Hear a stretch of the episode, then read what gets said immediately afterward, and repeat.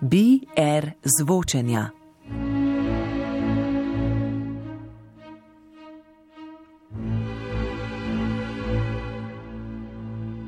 Z enim najoglednejših raziskovalcev neuropsihologije glasbe, profesorjem Kelšem, nekdanjim violinistom, psihologom in sociologom, zdaj profesorjem biološke in medicinske psihologije in vodjem raziskovalne enote za glasbo in možgane na Univerzi v Bergnu na Norveškem, bo tekal pogovor o doživljanju glasbe in o tem, kako se s pomočjo neuroznanstvenih raziskav povečuje naše razumevanje možganskih mehanizmov ob doživljanju glasbe. Izvedeli bomo kaj več o odzivih možganskega mrežja, ki podobno kot slovnične in sintaktične jezikovne nepravilnosti zaznava tudi odstopanja od pričakovanega dogajanja v glasbi. Ali dvojno mrežje človeku lahko pomaga tudi v primerih, ko eno mrežo prizadene bolezen. Profesor Kelš je nedavno izdal poljudno knjigo o zdravilni moči glasbe. Dotaknili se bomo nekaterih najbolj dokazanih načinov, kako nam lahko glasba koristi tudi v bolezni. S profesorjem se je pogovarjal neuropediater primari Igor Mihajl Ravnik. BR zvočenja.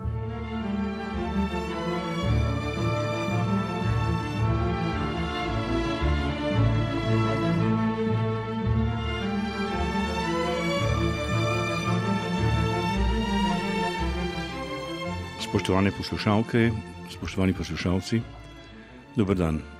Danes je naš gost profesor Štefan Kölš. Ko sem pripravljal to oddajo, sem si rekel, tukaj imamo pa problem, ne v Houstonu, ampak pri nas. Kar preveč je pričakovanj ne le mojih, ampak so se oglasili tudi poslušalci. Kaj vse v eni uri izvedeti od nekoga, ki je na tem polju pridelal toliko znanstveno in uporabno zanimivega znanja? Priznam, da sem bil kar v stiski.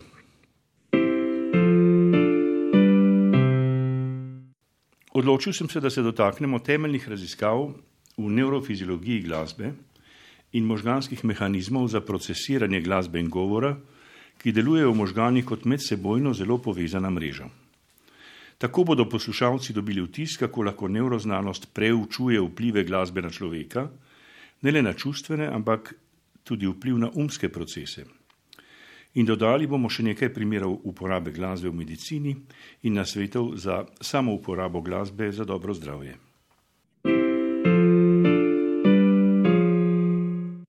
Lepo pozdravljeni še enkrat, profesor Krš. Hvala za prijazno odziv na vabilo.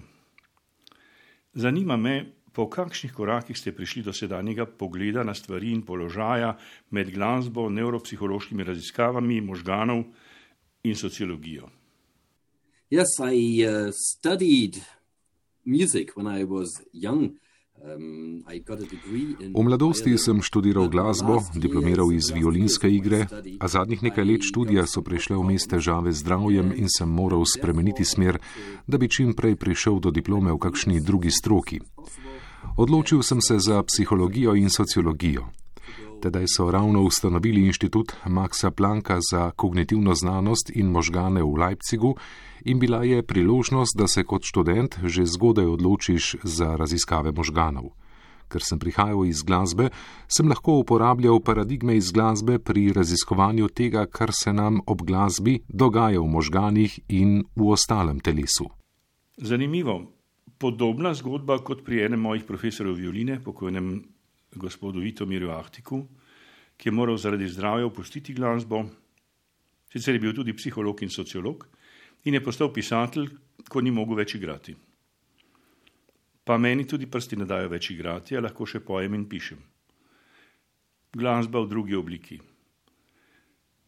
Vas lahko vprašam, kakšni so vaši prvi spomini na glasbo?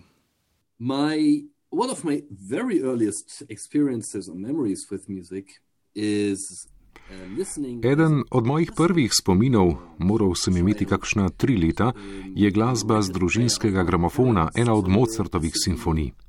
Še vedno se spominjam, kako očaran sem bil od tonov in harmonij, ki so se stekale in se ujele med seboj. Pa od čustvene izraznosti te glasbe, ki je imela v sebi mir in notranji red, logiko. Spomnim se zelo živo tudi zvoka, barve tistega posnetka. Leta pozneje sem še iskal tisti posnetek, a ko sem ga primerjal s spominom, ki ga nosim v sebi, še nisem našel pravega. Vsakokrat, ko kakšnega slišim, rečem: Ne, ni čisto taka glasba kot tista takrat. Prav dobro vem, o čem govorite. Moj spomin, bil sem mlajši, nisem še govoril, starša sta pela staro koroško pesem. Zdaj vse minulo je, nič več pev ne bom, zdaj ni več moj ljubi, dragi dom. In se spominjam dvojne žalosti zaradi napovedane izgube mamice in očka in doma, ter nesposobnosti to žalost izraziti. Očitno že zgodaj deluje receptivni aparat za glasbo in besede, razmišljanje pa tudi ni pa še ekspresivnega govora, torej jasen start v polje glasbe in govora. A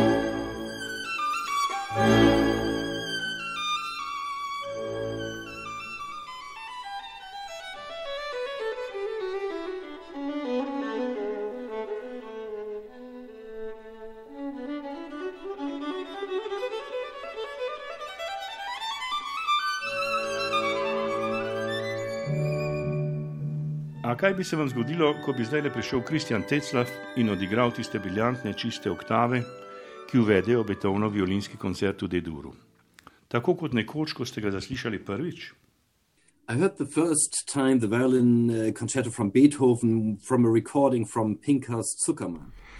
Prvič sem slišal Beethovenov violinski koncert na posnetku Pinkasa Zuckermana, Po mojem je to eden najboljših posnetkov tega koncerta sploh. Pa še zanimivo izkušnjo sem imel s Kristjanom Ticlafom. Kot mlad študent glasbe sem šel v Brimnu na abonmajski koncert v Filharmonijo in opazim Kristjana Ticlafa, ki išče naokrog, kje je koncertna dvorana. In sem se ponudil, saj ste Kristjan Ticlaf, lahko vas peljem do dvorane. Srečen je sprejel pomoč deset minut pred koncertom.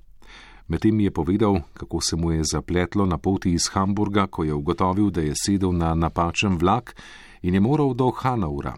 Seveda vlaka ne bodo ustavljali zaradi njega in potem s taksijem v Bremen, kar pa traja celo uro. Prišel je torej le par minut pred začetkom. Pri sebi sem si rekel, tole bi bila pa zame najhujša mora, ki si jo lahko zamislim in se zdaj njemu zares dogaja. Vem, v kakšnem stresu je moral biti, saj se je lahko le preoblekel in skočil na oder in tako rečeno še gov odigral tiste neznansko težke začetne oktave. Spominjam se, kako briljantno, intonančno, absolutno in kristalno čisto, pa popolnoma mirno jih je odigral. Takrat sem najbrž bolj kot kdorkoli drugi v dvorani občudoval ta začetek, ker sem poznal okoliščine, ozadje dogodka in zato tam bolj užival v koncert, ker sem vedel, kako je prispel in čudovito odigral prve tone, ne da bi si prej lahko ogrel prste. Se veste, običajno se uigravaš 5, 10, 15 minut, preden stopiš na oder. Zame je bil dogodek neverjetno močno nabit s čustvi. Dobro razumem, tudi za me sta Beethoven in Teclav povezana z zamujanjem. Pred pet ali šest leti sem ga prvi slišal v Ljubljani, Peljal sem na koncert svojega gosta iz Liverpoola in Prage z nevrološkega simpozija. Zadnji hip smo še pretekli v dvorano in smo bili mi v stresu. Tudi meni se je zdel kar neobičajno trden in kovinsko neomajen v svoji virtuozni igri. Ampak moja prva izkušnja z Beethovenom je tudi povezana z zamujanjem. Bilo mi je deset let in zaslišal sem tiste oktave na radiju, družina pa je čakala nestrpno pred hišo. Začaran sem obstal in v sebi sklenil. To je več od česar koli, kar sem doživel doslej, poslušal bom, pa naj stane, kar hoče. Seveda smo zamudili, a doživel sem prvič tisti drget, ne le kožni orgazem, kot mu v stroki nekateri rečejo, ampak popoln potop v lepoto bivanja in stvarstva. This event that I just described also keeps reminding me that Dogodek, ki sem ga opisal, me opozarja, da tista čustva, ki jih doživljamo, niso v violini, niso le v glasbi, ne le v zvokih, ampak v naši glavi. Isti zvok lahko v človeku prikliče zelo različna čustva v različnih situacijah, v različnih duševnih stanjih in razpoloženjih. Naša duševnost in možgani nas pripeljajo v doživetje čustva in čustvo je vedno v možganih, ne pa v izvajalcu ali v glasbilu ali sami glasbi. In ste to želeli pogledati malo globje, on stran v beseden subjektivnih vtisov, kot sem to prej jaz storil, z objektivnim opazovanjem in merjenjem, kaj se ob tem dogaja v možganih. The common view was, why would you want to do this? Why want you waste time and effort and money on studying Takrat so okrog mene razmišljali takole: zakaj vendar? Čemu bi trošil čas, napor in denar za raziskave čustev in glasbe? Glasba je pač čustvo, evolucijsko nepomembno. Zakaj naj bi glasba aktivirala katero koli možgansko strukturo, ki je pomembna za preživetje? Tedaj sem jim odgovarjal, mislim, da gre za evolucijske prilagoditve. Glasba se nas dotakne zelo globoko v možganih in danes iz raziskovanj z uporabo možganskih preslikav vemo, da glasba nedvomno lahko modulira aktivnost možganov in vpliva na prav vsako čustvo in na strukture v možganih. Spregovoriva torej zdaj o vašem raziskovalnem delu. Neverjetno veliko novega znanja ste pridobili za neuroglasbeno področje. Ob tem pa, kar še posebej cenim, znate o tem zelo jasno sporočati in svetovati bralcev, kako koristno uporabiti dobre vibracije. Good vibrations, glasbe za zdravje, če uporabim naslov vaše zadnje poljudne opisane knjige. Lahko prosim pojasnite, kako deluje vaša raziskovalna skupina v Bergenu in kako se povezujete s kliničnimi dejavnostmi. Yes, for example, at the moment we have one big study on Da, pravkar poteka velika raziskava o terapevtskih učinkih glasbe na bolnike z Alzheimerjevo boleznijo, tudi na bolnike z zgodnimi znaki kognitivnega upada. Pri tem imajo eno leto enkrat tedensko vaje s pivskim učiteljem, dvakrat tedensko pa pojemo skupaj v Alzheimerjevem zboru. Določimo možgansko starost pred začetkom raziskave in po enem letu. Upamo, da se bo izkazalo, da lahko upočasnimo degenerativne procese v možganih in da jih morda celo obrnemo, tako da bi jim mogoče celo dosegli, da malo pomladimo možgane. Profesor Krš, tule bi bilo po mojem mnenju na mestu nekaj pojasnil za poslušalce. Lahko pa to storim sam in kasneje nekaj povemo o raziskovalnih metodah, ki jih uporabljate. Lahko preskočiva in prihraniva čas o EEG-u, evociranih potencijalih, magnetni resonanci, funkcijski magnetni rezonanci, magnetno-rezonančni spektroskopiji, najbrž vse od naštetega, pa še neuropsihološko testiranje.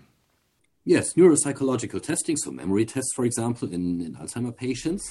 Seveda, neuropsihološki testi spomina pri bolnikih z Alzheimerjevo boleznijo. Vse življenje sem v raziskavah veliko delal z EEG-jem, z evociranimi potencijali, z magnetno resonanco za prikaz možganske anatomije in funkcije. Naprimer z namenom določiti, kje v možganih glasba spremeni bioelektrično aktivnost, ko doživimo neko čustvo. Predlagam, da zdaj poslušamo niz akordov, ki ste jih uporabljali v raziskavah, profesor Kölš, in nam na to pojasnite, kaj ste pri tem merili in zakaj ste to preučevali.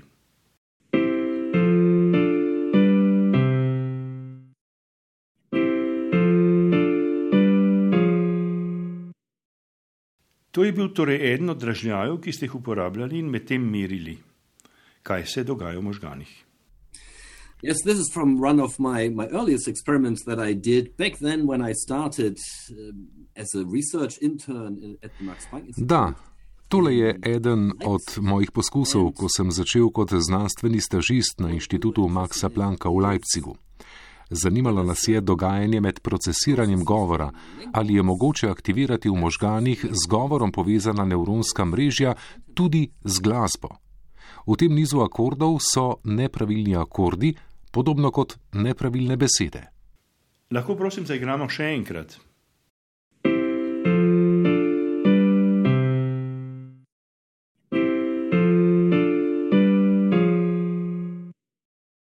And um, when we play these uh, chord sequences, even to non musicians, even non musicians can tell, well, Ko zaigramo tak niz akordov, nam tudi nekdo, ki ni glasbenik, pove, da se drugi niz akordov ne sklene tako kot prvi, ki zveni bolj urejeno ali normalno, tako kot bi pričakovali.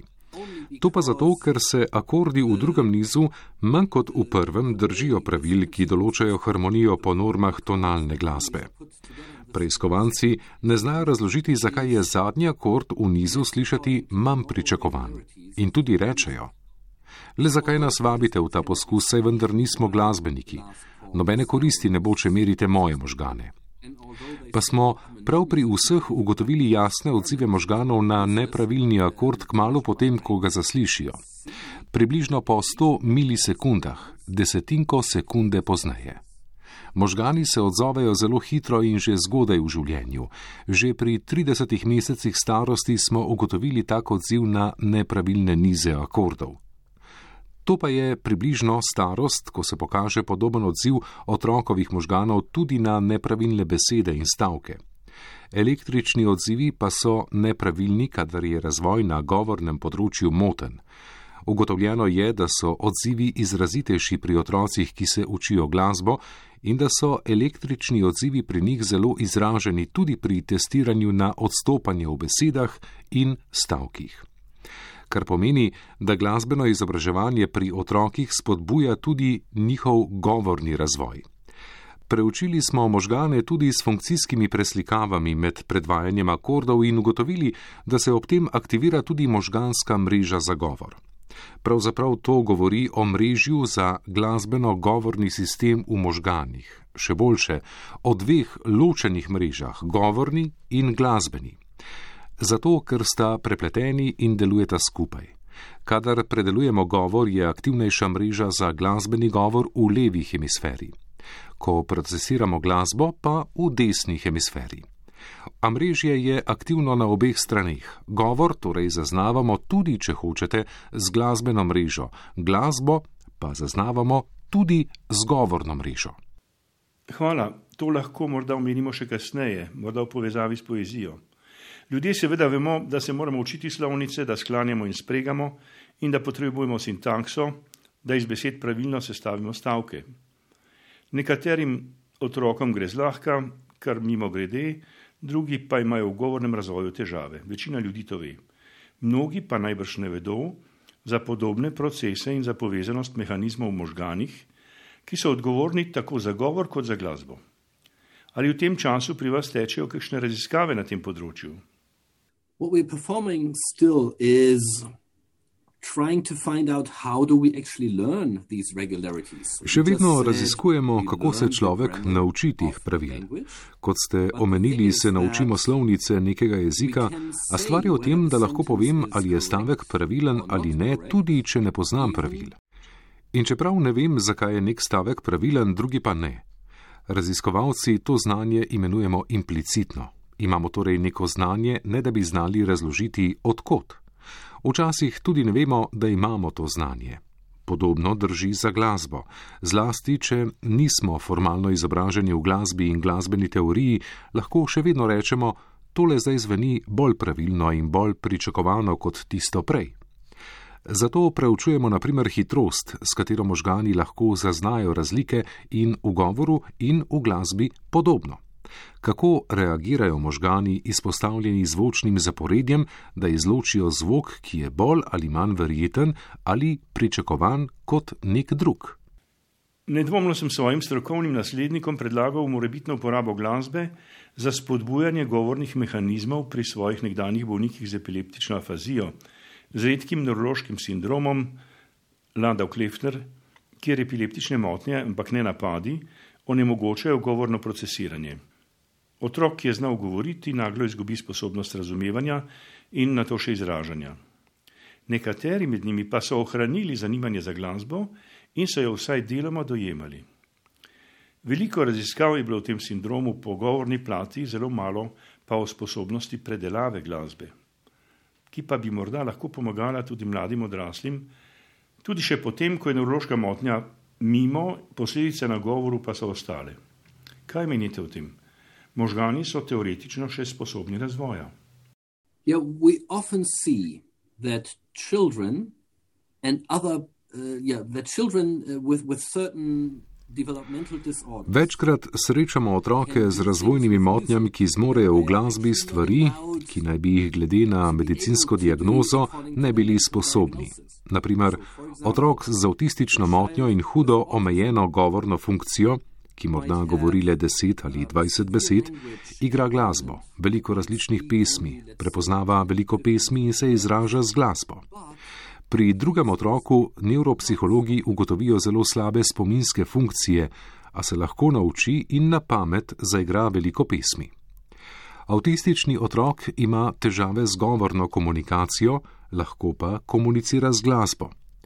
To je bilo z moje plati nekaj zgledov, kako otroci z določenimi motnjami včasih v glasbi zmorejo stvari, ki naj ne bi šle skupaj z njihovo diagnozo. To nam da misliti, da na nekaterih področjih, ki jih še ne razumemo dovolj, najbrž v resnici ne gre za nevrološki primankljaj, deficit določene sposobnosti, ampak da je šibko procesiranje, mehanizem, ki omogoča izpolnitev te funkcije. Zgled je recimo tudi selektivni mutizem, kjer otrok ne govori, čeprav bi lahko, a se je odločil, da ne bo. A z glasbo lahko komunicira in ga taka komunikacija običajno zanima. Z glasbo lahko nekako napreduje do tega, da tudi v normalnih situacijah preneha z negovorjenjem in še kje. Naprimer, bolnik v depresiji najprej le z glasbo zmore psihološke korake, ki jih brez glasbe ni zmogel, na to pa uspe to storiti tudi brez pomoči glasbe. Govoriva o dokazih za medsebojno povezanost dveh sosednjih mehanizmov v možganih, ki tudi sodelujeta.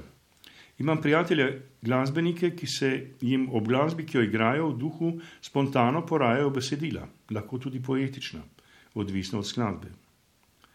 Klasično izobraženi prijatelj, glasbenik, je izvrstno prevedel filozofsko delo iz latinske poezije, najbrž lažje in boljše, kot bi ga marsikateri prevajalec, ki ne bi bil tako izurjen in po glasbeni in po jezikovni plati.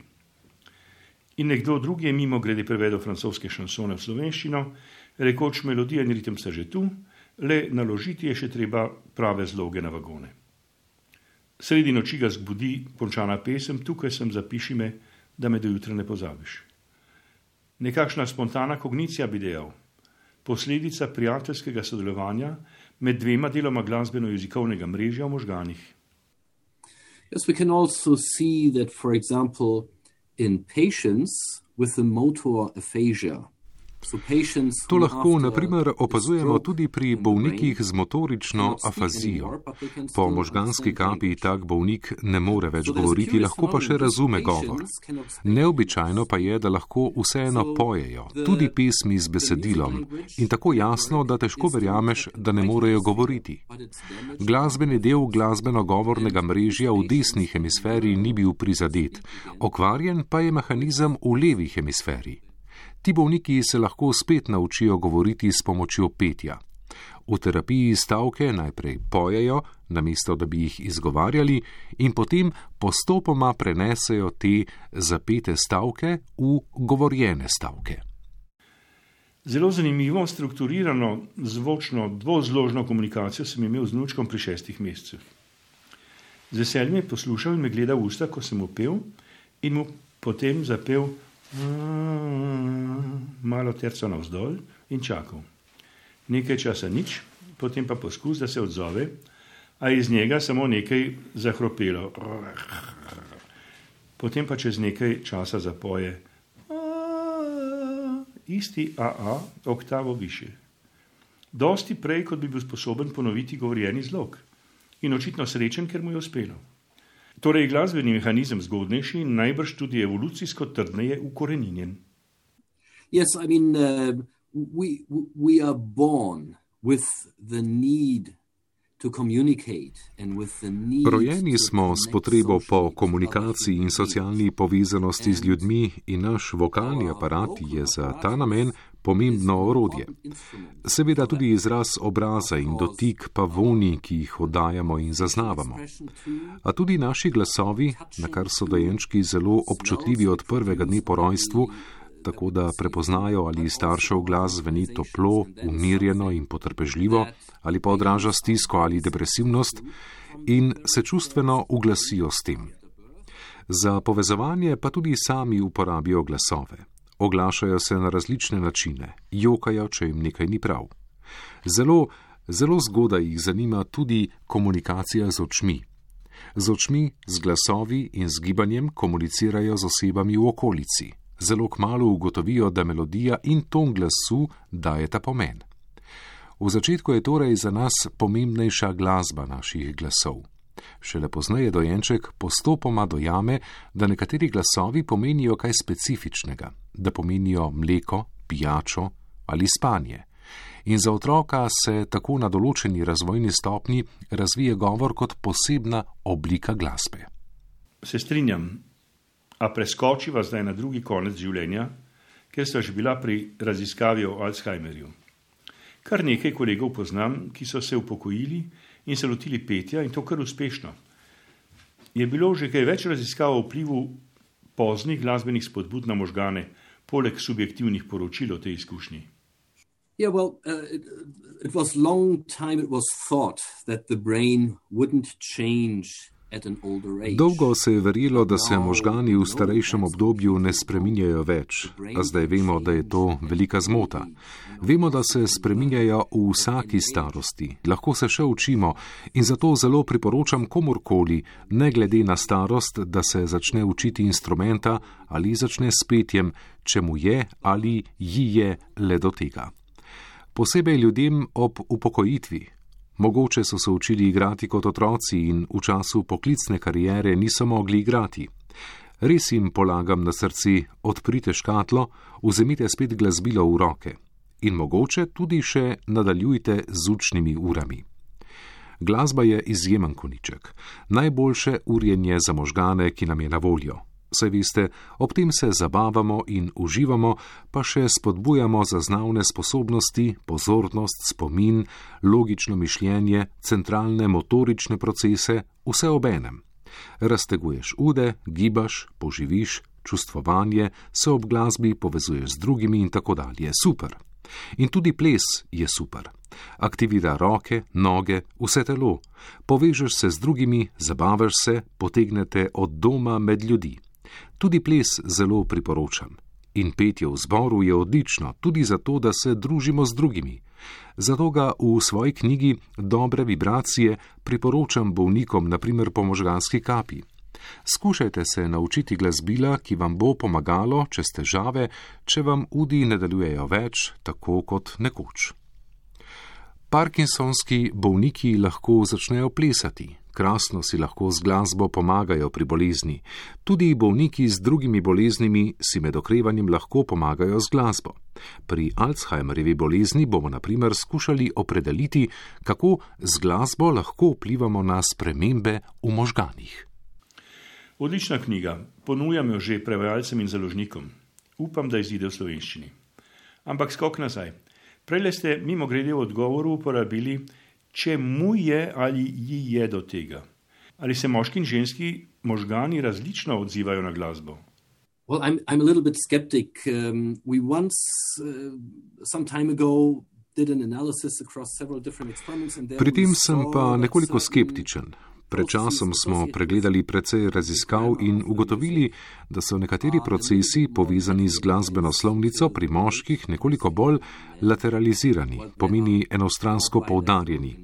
Na desni, pri ženskah, pa so bolj obojestranski. A sem, no, previden in tudi malo skeptičen, ne bi rad o tem dajal trdnih izjav. Če pogledam svoje eksperimente, vedno ugotovim, da so vzorci odzivanja pretežno razporejeni med moške in ženske.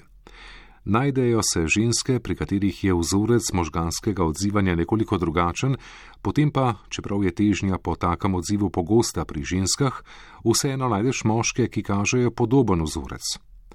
Čeprav je sicer vzorec pri moških drugačen, vedno najdeš tudi nekaj žensk, katerih možgani reagirajo na ta način. Tako nikoli ne zbereš podatkov, iz katerih bi lahko jasno razbral ločnico in rekel: Ja, tole ugotavljamo pri ženskah, ne pa pri moških. Tole pa pri moških in ne pri ženskah. Da, pred kratkim smo imeli gosta iz Brna, profesorja Rektorja, ki je preučeval odzive na glasbo z vidika epileptičnih motenj možganih pri osebah s hudo epilepsijo in z globinskimi elektrodami se je pokazala razlika med spoloma. A to je eden od redkih in zelo specifičen zgled. Raje postiva to temo. Pa se pogovoriva o nekaterih pogostih zdravstvenih težavah in glasbi. Nekaj ste že omenili. Prej pa še tole. Ko rečem glasba, ljudem to pomeni različne stvari. Gre za zelo obsežen in kompleksen držljaj, zato se sprašujem, kako iz tega vsega izločiti posamezne potencijalno pomembne elemente, če začnemo od preprostega bita ali utripa, udarca takta ali akustičnega elementa, pa vse do celote, ki je vseobsegajoča in kot taka izziva preplavljajoča umska, čustvena in duhovna doživetja kako izločiti posamezne parametre, ko gre pravzaprav za eno od najbolj zapletenih vsot toliko možnih spremenljivk. Yes, a very good and a very important question. So, for example, in the chord sequences that we heard before, we really da, Zelo dobro in pomembno vprašanje. Če naprimer uporabimo v raziskavah samo zaporedje akordov, ki smo jih slišali malo prej, seveda zanemarjamo celo vrsto glasbenih elementov, naprimer čustveni izraz, dinamiko in časovni potek čustvovanja. Vse to porežemo in ostanemo pri goli razliki med dvema zaporedjema akordov, od katerih je eden glasbeno-sintaktično pravilen, drugi pa nepravilen. Na ta način, z eksperimentalno manipulacijo dražljajev, pa smo vendar lahko ugotovili spremembo v možganskem odzivanju. Seveda lahko nekdo reče: Ja, ampak tole v resnici sploh ni glasba.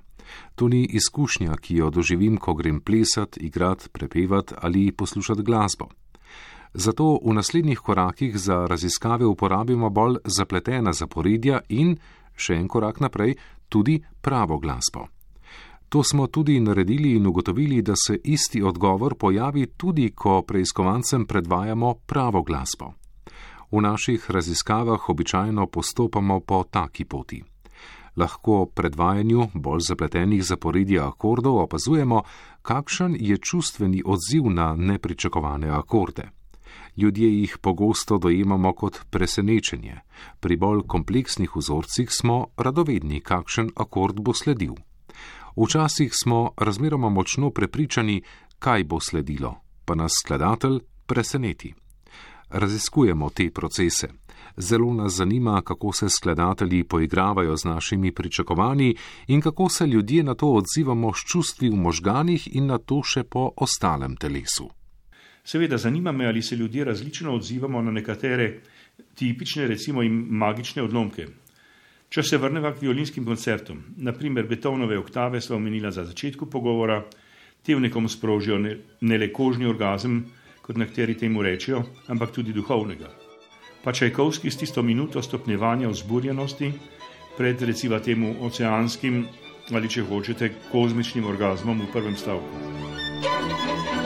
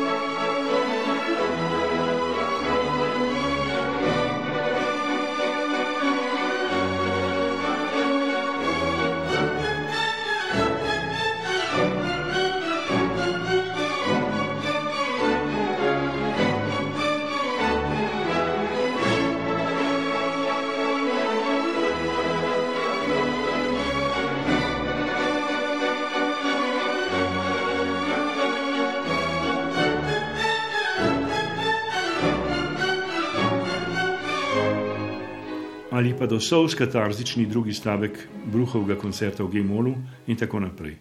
Ali se ljudje odzivajo čustveno podobno, ali pa je to že nekaj, kar je bolj odvisno od kulture.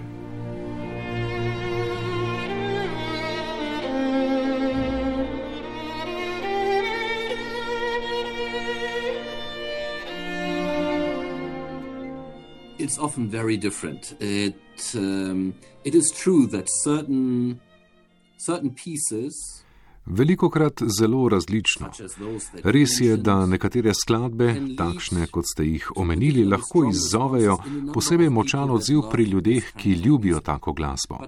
A nekdo, ki se navdušuje za heavy metal ali za tehno, pri tem sploh ne bo dobil kurjo pot.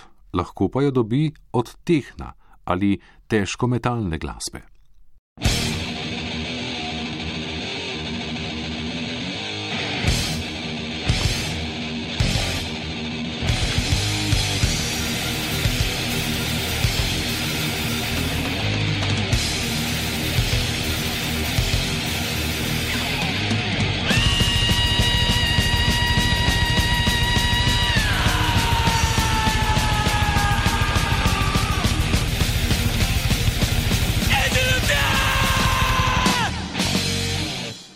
Something where maybe somebody who is who only listens to classic cannot see why they get goosebumps, you know. Ob nečem, kjer se nekdo, ki posluša le klasiko, sprašuje, kako je mogoče, da nekomu sproži kurjo pot, naprimer beat drop ali tehno glasba. Ogromne razlike so med vrstami glasbe, ki ljudem izzovejo kurjo pot, velik vpliv ima pri tem kultura. Ne glede na kulturo, ki ji pripadamo, smo pa vsi sposobni prepoznavati zvoke, ki se ravnajo po utripu, udarcu in ki se dvigajo in spuščajo kot po lestvici. In večina glasbe, ki jo poznamo ljudje, ima utrip, bit, takt in lestvice. Ne čisto vsa glasba, večina pa. Kako to? Ja, če sta dana takt in melodija, se lahko kdorkoli pridruži, ker vemo, kdaj se bo pojavil naslednji zvok, tako da lahko zaploskamo ali udarjamo z nogo ali zapojemo skupaj. Iz tonov na lestvici pa lahko sklepamo, kateri toni se bodo ujeli v melodijo. Zato se lahko temu zlahka pridruži veliko ljudi. Zdi se nam samoumevno, a sposobnost skupaj ploskati po taktu je edinstvena za človeško vrsto. Ne zmoremo le ljudje, tudi kiti pojejo, a ne v zboru. In ja, tudi gorile se trkajo po prsih, a tega ne počnejo sočasno. Ljudje pa znamo. Naj se sliši še tako banalno, to je jedro človeške glasbe, utrip, ki mu lahko sledimo.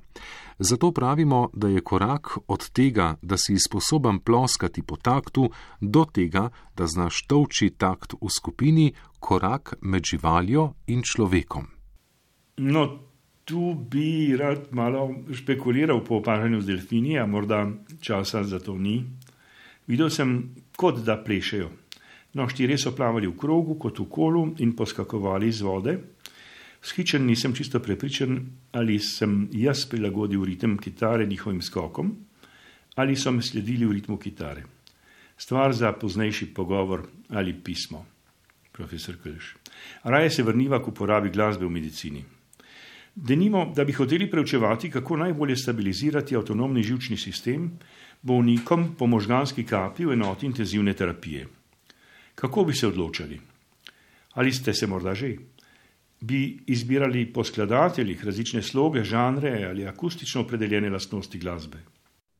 Well, if a patient with a stroke is in intensive care, Če bolnik na intenzivnem oddelku že v akutni fazi po možganski kapi posluša glasbo, je pomembno, da je to glasba, ki jo ima rad. Pa da ni preglasna, ker so možgani v tej fazi zelo občutljivi. Kar je za nas normalno, je za njega strahotno glasno. Zato previdno. Glasba, ki jo ima rad, zato, da ga spravi v dobro razpoloženje. Nič žalostnega, melankoličnega ali čustveno kakorkoli stresnega, ampak nekaj uspodbudnega, veselega, očrljivega, sproščujočega in pomirjajočega. Finska skupina je objavila raziskavo, kjer se je izkazalo, da pacijenti, ki so že v akutni fazi po kapi poslušali glasbo eno uro na dan, bolje okrevajo. Ocenjevali so jih po tri in po šestih mesecih. Naj k temu dodam še svoj predlog. Idealno je, da ne poslušale instrumentalne glasbe, ampak tudi glasbo z besedilom, torej petjem. To pa zato, ker glasba s petjem močneje spodbudi možganske predele za govor. Mislim na levo stran glasbeno-govornega mrežja. To bo pomagalo, da si bodo ti predeli po kapi prej opomogli. Pa imajo na norveškem, recimo Bergenu, glasbo na intenzivnem oddelku? Pa za parkinsonske bolnike sta glasba in ples standardni del rehabilitacije? No, uh, not yet. I think it's it's necessary that the research findings become more widely known. Ne še. Yes, yes. Z raziskovalnimi ugotovitvami bi bilo treba seznaniti širšo strokovno javnost, več o tem pa bi morali vedeti tudi bolniki. Ko se pogovarjam s pacijenti s Parkinsonovo boleznijo in jih spodbujam k uporabi glasbe pri hoji, da bi premagali blokade in tako dalje, mi odgovarjajo, kakšna škoda, da tega nisem vedel že prej. Vsak bolnik bi moral biti seznanjen s tem. In to je tudi eden od razlogov, da sem napisal knjigo Good Vibrations, slovinsko dobre vibracije, da spregovorim o tem za javnost in ozavestim bolnike, svojce in zdravnike ter sodelavce v zdravstvu. Seveda je to tudi razlog, da snemamo te pogovore. Upam, da bo kaj zaleglo. Ali ste morali v norveškem ali nemškem okolju to postaviti sami, ali ste imeli podporo zaveznikov v klinični medicini? V Sloveniji je zelo veliko aktivnih glasbenikov med zdravniki in zdravstvenimi delavci, mnogi so odlični glasbeniki. V načrtu imamo po izvedbo vprašalnik, da bi ocenili, kje in kako bi po njihovem mnenju lahko najlažje in z največjo koristjo za bolnike uvajali glasbo v medicino. So ljudje, ki tega ne bi kar zlahka sprejeli. O, ja, seveda, odgovorijo, vse lepo in prav, komu pa glasba ni všeč, a pokaži mi dokaze. In zavarovalnica se bo odzvala enako. Zato je treba pripraviti in dokaze, in mrežo zaveznikov. Ste tudi vi tega mnenja? I have cooperations with, with uh, a number of um, doctors, and Sodelujem z zdravniki. Prvi korak bi bilo naprimer lahko uvajanje glasbe v različnih zdravstvenih okoljih ob neprijetnih posegih. To ublaži skrbi in tesnobo in čustveni stres med posegom. Ko grem k zobozdravniku, naprimer, nekateri dejansko radi vidijo, da ljudje prinesejo glasbo s seboj. Pacient se umiri, poseg bo povzročil malo manj stresa a nekatere bolnike je strah celo vprašati zdravnika, ali lahko vzamejo slušalke seboj in poslušajo med posegom. Ali pa ne upajo reči, vas lahko prosim, da glasbo v ozadju navijete malo glasneje, všeč mi je, rad bi jo bolje slišal. Preproste reči lahko bi zdravnik vprašal, ste za to, da vam odprem glasbo, bi raje kaj drugega, naj dam malo tišje, malo glasneje. Že s tem lahko veliko stori, da bolniku zmanjša stres in tudi bolečino. Se strinjam, tudi v pripravi na poseg, tehnično rečeno za premedikacijo, se lahko z uporabo glasbe zniža potreba po zdravilih, učinek se pokaže že po manjšem odmerku.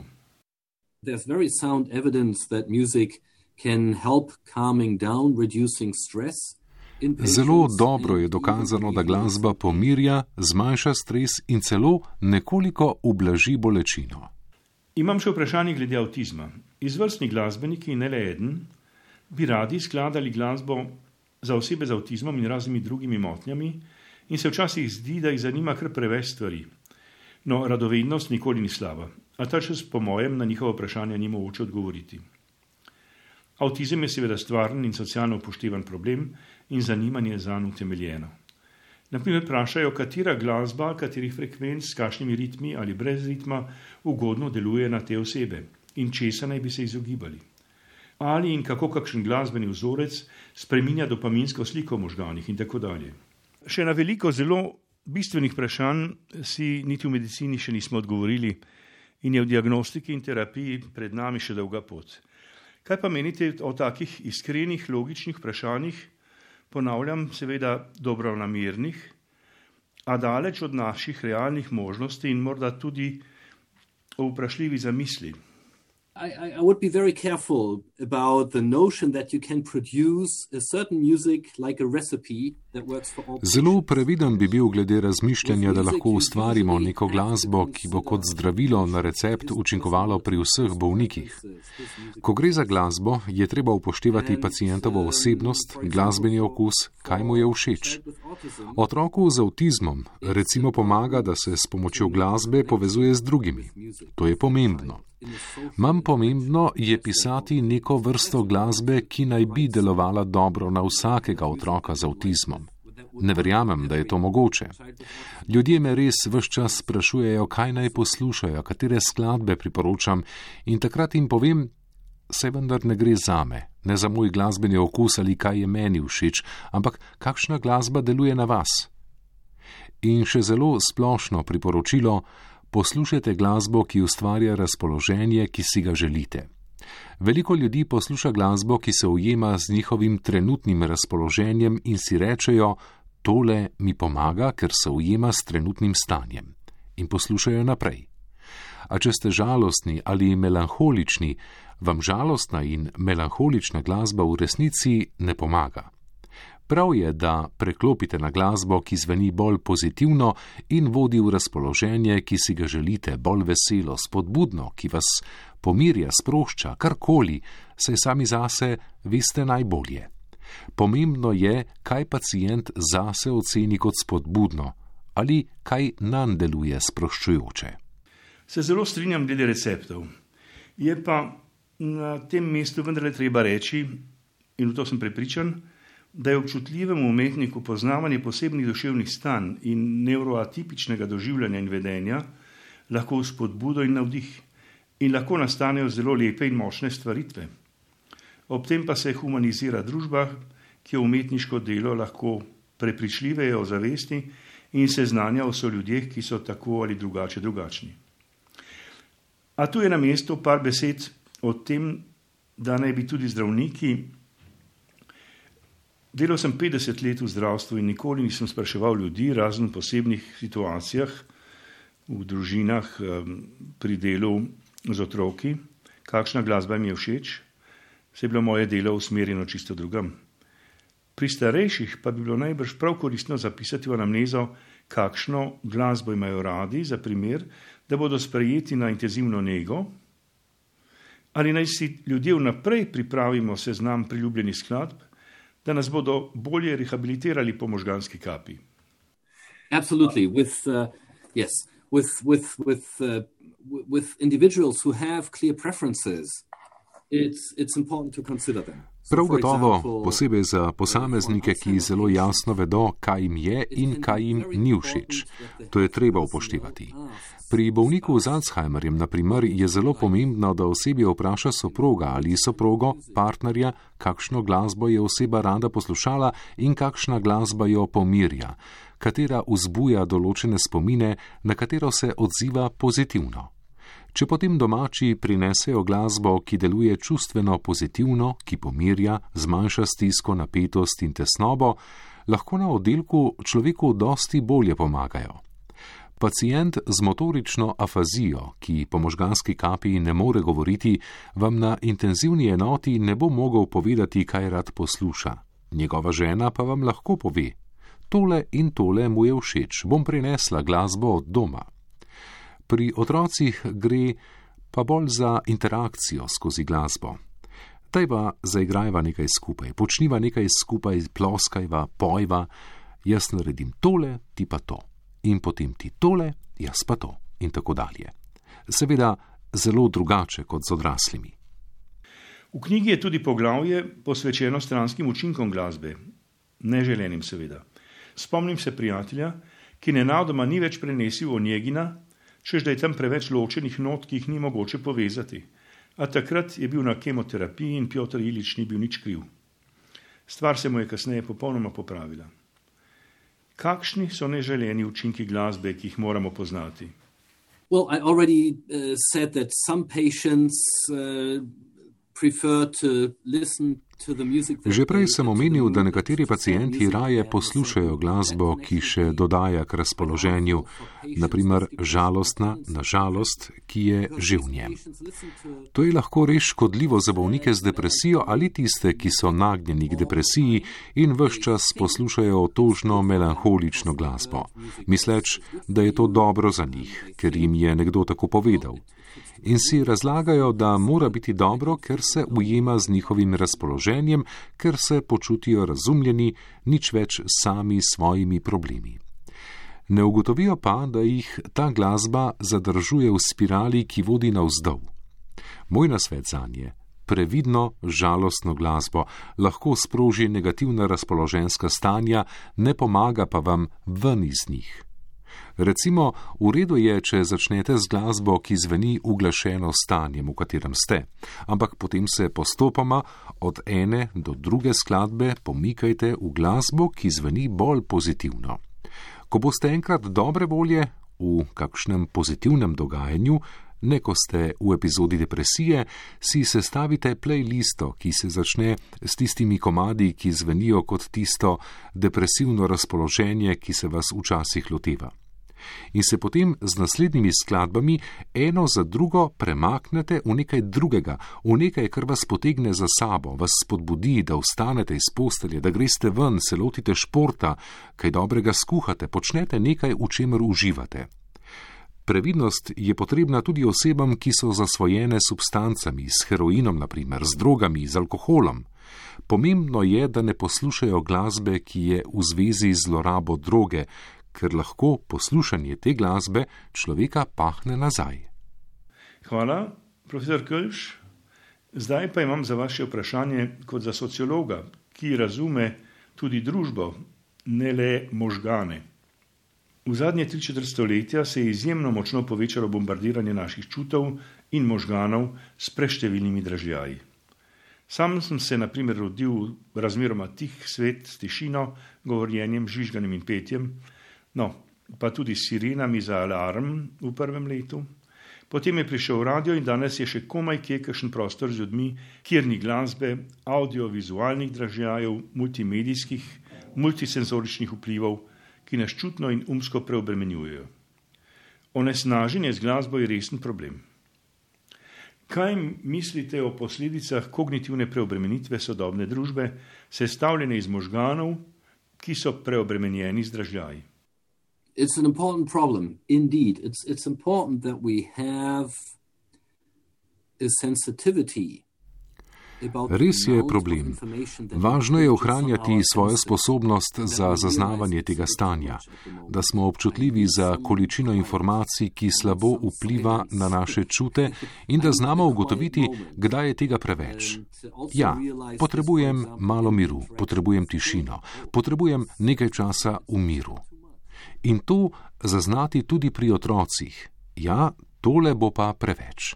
Otroka moramo zaščititi pred prevelikim dotokom dražljajev, ker nekateri predeli možganov ne prenesejo preveč informacij. Gre torej za to, da vse čas občutljivo zaznavamo, kdaj je dotok informacij v naše čute pretiran.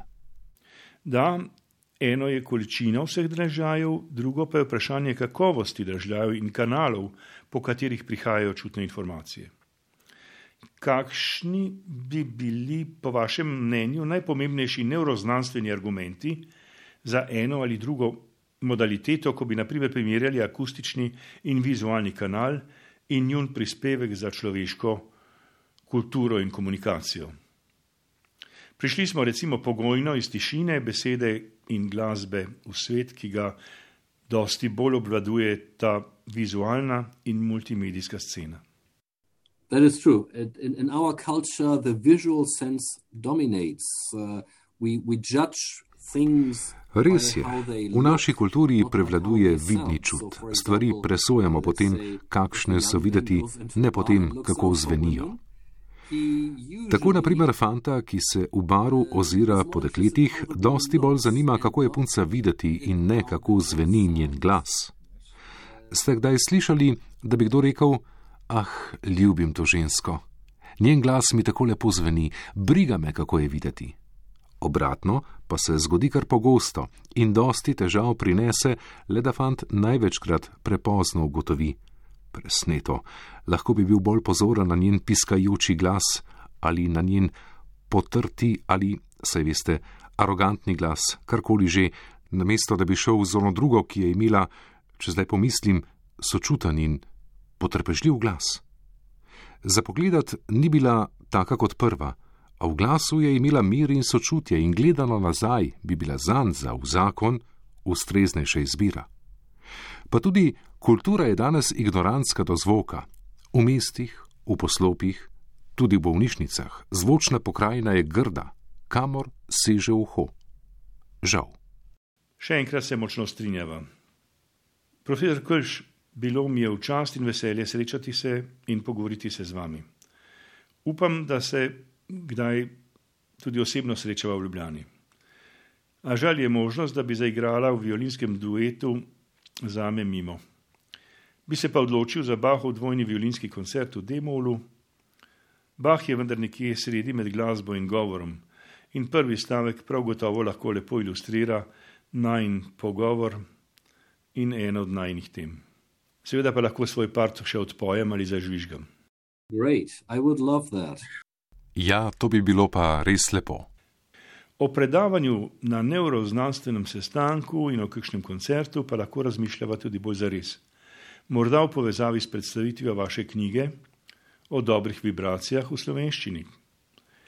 Hvala za vaš prispevek k naši zamisli, da v medicino tudi pri nas pride več glasbe. Zaradi njene zdravilne moči, die Heilende Kraft in utemeljenost dokazi. Hvala vam lepa, dragi profesor Krš. Thank you very much. It was my pleasure. Thank you very much for having me. Hvala vam lepa, bilo mi je v veselje. Hvala za vabilo.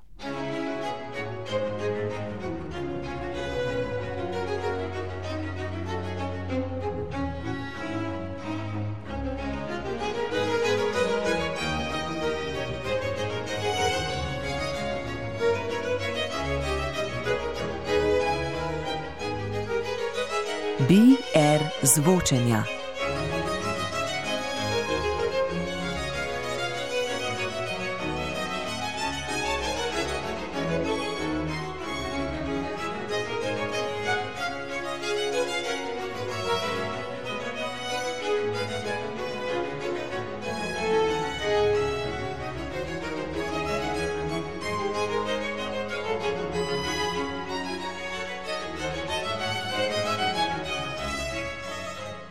Pogovor o glasbi in možganih je pripravil in vodil neuropediater primarij Igor Mihajl Ravnik.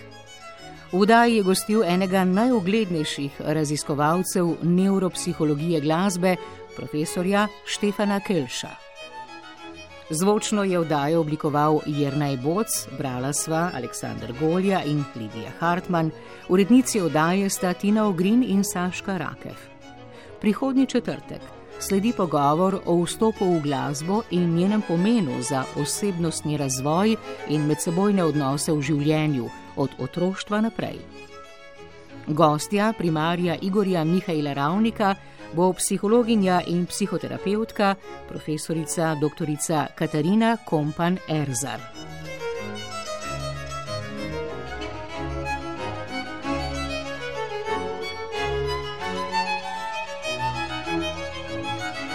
BR zvočenja.